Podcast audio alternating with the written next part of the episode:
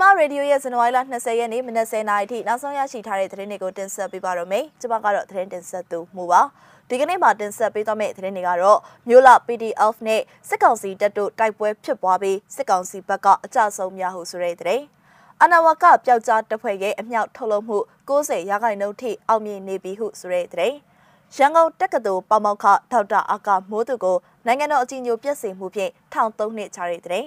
ထိုင်းနိုင်ငံကိုတရားမဝင်လမ်းကြောင်းကနေအလုတ်သွားလုံးမဲ့သူ200ကျော်ရန်ကုန်မှာဖမ်းမိတဲ့တဲ့အဆရှိတဲ့သတင်းတွေကိုတင်ဆက်ပေးသွားမှာပါ။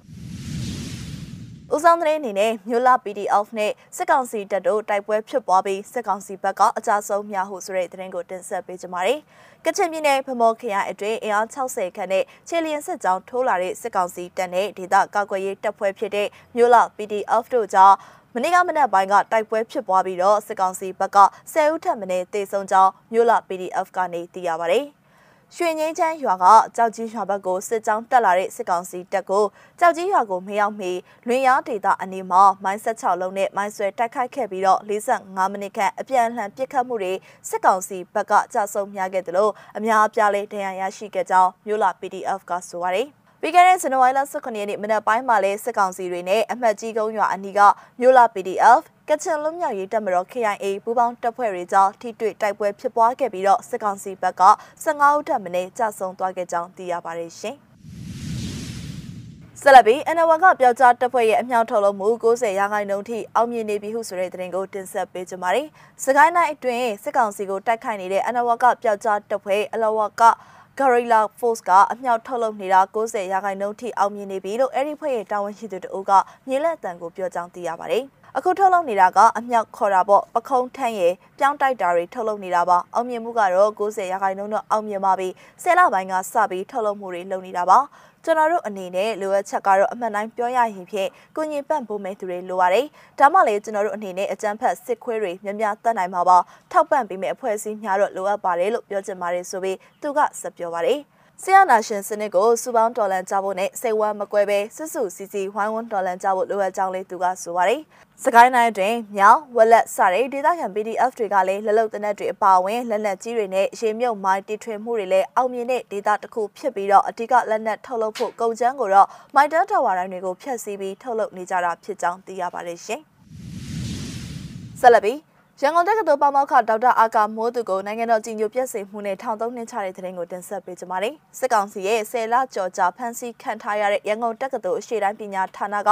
ပါမောက္ခဒေါက်တာအာကာမိုးသူကိုစစ်ကောင်စီကဇန်နဝါရီလ19ရက်နေ့မှာထောင်ဒဏ်3နှစ်ချမှတ်လိုက်ပါတယ်။ဒေါက်တာအာကာမိုးသူကိုစစ်ကောင်စီကနိုင်ငံတော်အကြီးအကျယ်ပြည့်စုံမှုပုံမှန်905ခါခွေနဲ့ဒီကနေ့မှာအလုကျန်းမပါဝင်ပဲထောင်ဒဏ်3နှစ်ချမှတ်လိုက်ကြောင်းသူနဲ့နှီးဆက်သူတွေထံကနေသိရပါတယ်။ ဆရာကိုထောင်ဒဏ်၃နှစ်ဒီကနေ့မှချမှတ်လိုက်တာဖြစ်ပါတယ်အလုပ်ကျမပါပါဘူးလို့သူနဲ့နီးစပ်သူကဆိုပါတယ်ဒေါက်တာအာကာမိုးသူဟာပြီးခဲ့တဲ့မတ်လ2ရက်နေ့ကဆရာနာရှင်စန့်ကျင်ရေးတပိတ်ပြုလုပ်ဖို့စောင့်ဆိုင်နေစဉ်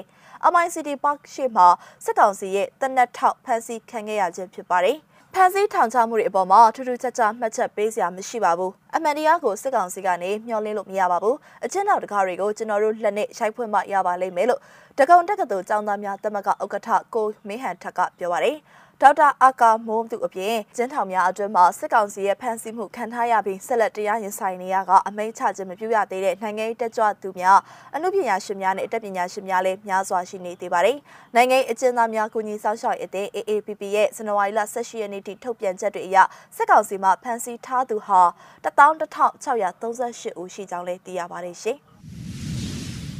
နောက်ဆုံးသတင်းအနေနဲ့ထိုင်းနိုင်ငံကိုတရားမဝင်လမ်းကြောင်းကနေအလုတ်သွားလုပ်မဲ့လူ200ကျော်ရှန်ကုန်မှာဖမ်းမိတဲ့သတင်းကိုတင်ဆက်ပေးကြပါမယ်။ထိုင်းနိုင်ငံကိုတရားမဝင်လမ်းကြောင်းတွေကနေတက်ဆက်အလုတ်သွားရောက်လုပ်ကိုင်မဲ့လူ200ကျော်ကိုရန်ကုန်မြို့မှာဖမ်းမိခဲ့ကြောင်းပြည်ပအလုတ်ကိုင်ဝန်ဆောင်မှုလုပ်ငန်းရှင်များအဖွဲ့ချုပ် MOEAF ရဲ့သတင်းထုတ်ပြန်ချက်အရသိရပါတယ်။အဲ့ဒီလူတွေကိုယခုလ16ရက်နေ့ကရွှေတကုံစေးတော့အရှိဘမုတ်ဖုန်ကြီးကျောင်းတစ်ခုမှာပွဲစား3ကစုဆောင်ထားတဲ့ယောက်ျားမိန်းမ160ကျော်ကို၎င်း 18ရက်နေ့မှာတကုံမြို့တဲ့မြောက်ပိုင်းမြို့နယ်53ရပ်ကွက်မီးရဲကျော်စွာလမ်းမအဆောင်တစ်ခုမှာကြားမ52ဦးတို့ကို၎င်းတားဆီးနိုင်ခဲ့ပြီးဖြစ်စဉ်နှစ်ခုစလုံးမှာပွဲစားတွေကိုဖမ်းဆီးရမိမှုမရှိသေးကြောင်းသိရှိရပါတယ်။လွမြောက်နေတဲ့ပွဲစားတွေကိုလိုက်လံဖမ်းဆီးမှုတွေကိုသက်ဆိုင်ရာအဖွဲ့အစည်းတွေကဆက်လက်လှုပ်ဆောင်လျက်ရှိကြောင်းလည်းသိရပါတယ်။ အဲဒီလိုအလုတ်သွားရောက်လောက်ကင်မဲ့လူအများစုဟာ AR တိုင်းပဲခူးနဲ့နေပြည်တော်မှလူငယ်လူရွယ်တွေလည်းဖြစ်ကြပါတယ်။လက်ရှိအခြေအနေမှာကမ္ဘာ့ကပ်ရောဂါ COVID-19 ရိုက်ခတ်မှုနဲ့နိုင်ငံရေးမတည်ငြိမ်မှုတွေကြောင့်ပြည်တွင်းအလုတ်ကင်အခွင့်အလမ်းနှဲပါလာလျက်ရှိကြောင်းနဲ့လူငယ်လူရွယ်အများစုဟာပြည်ပကိုသွားရောက်အလုတ်လောက်ကင်မှု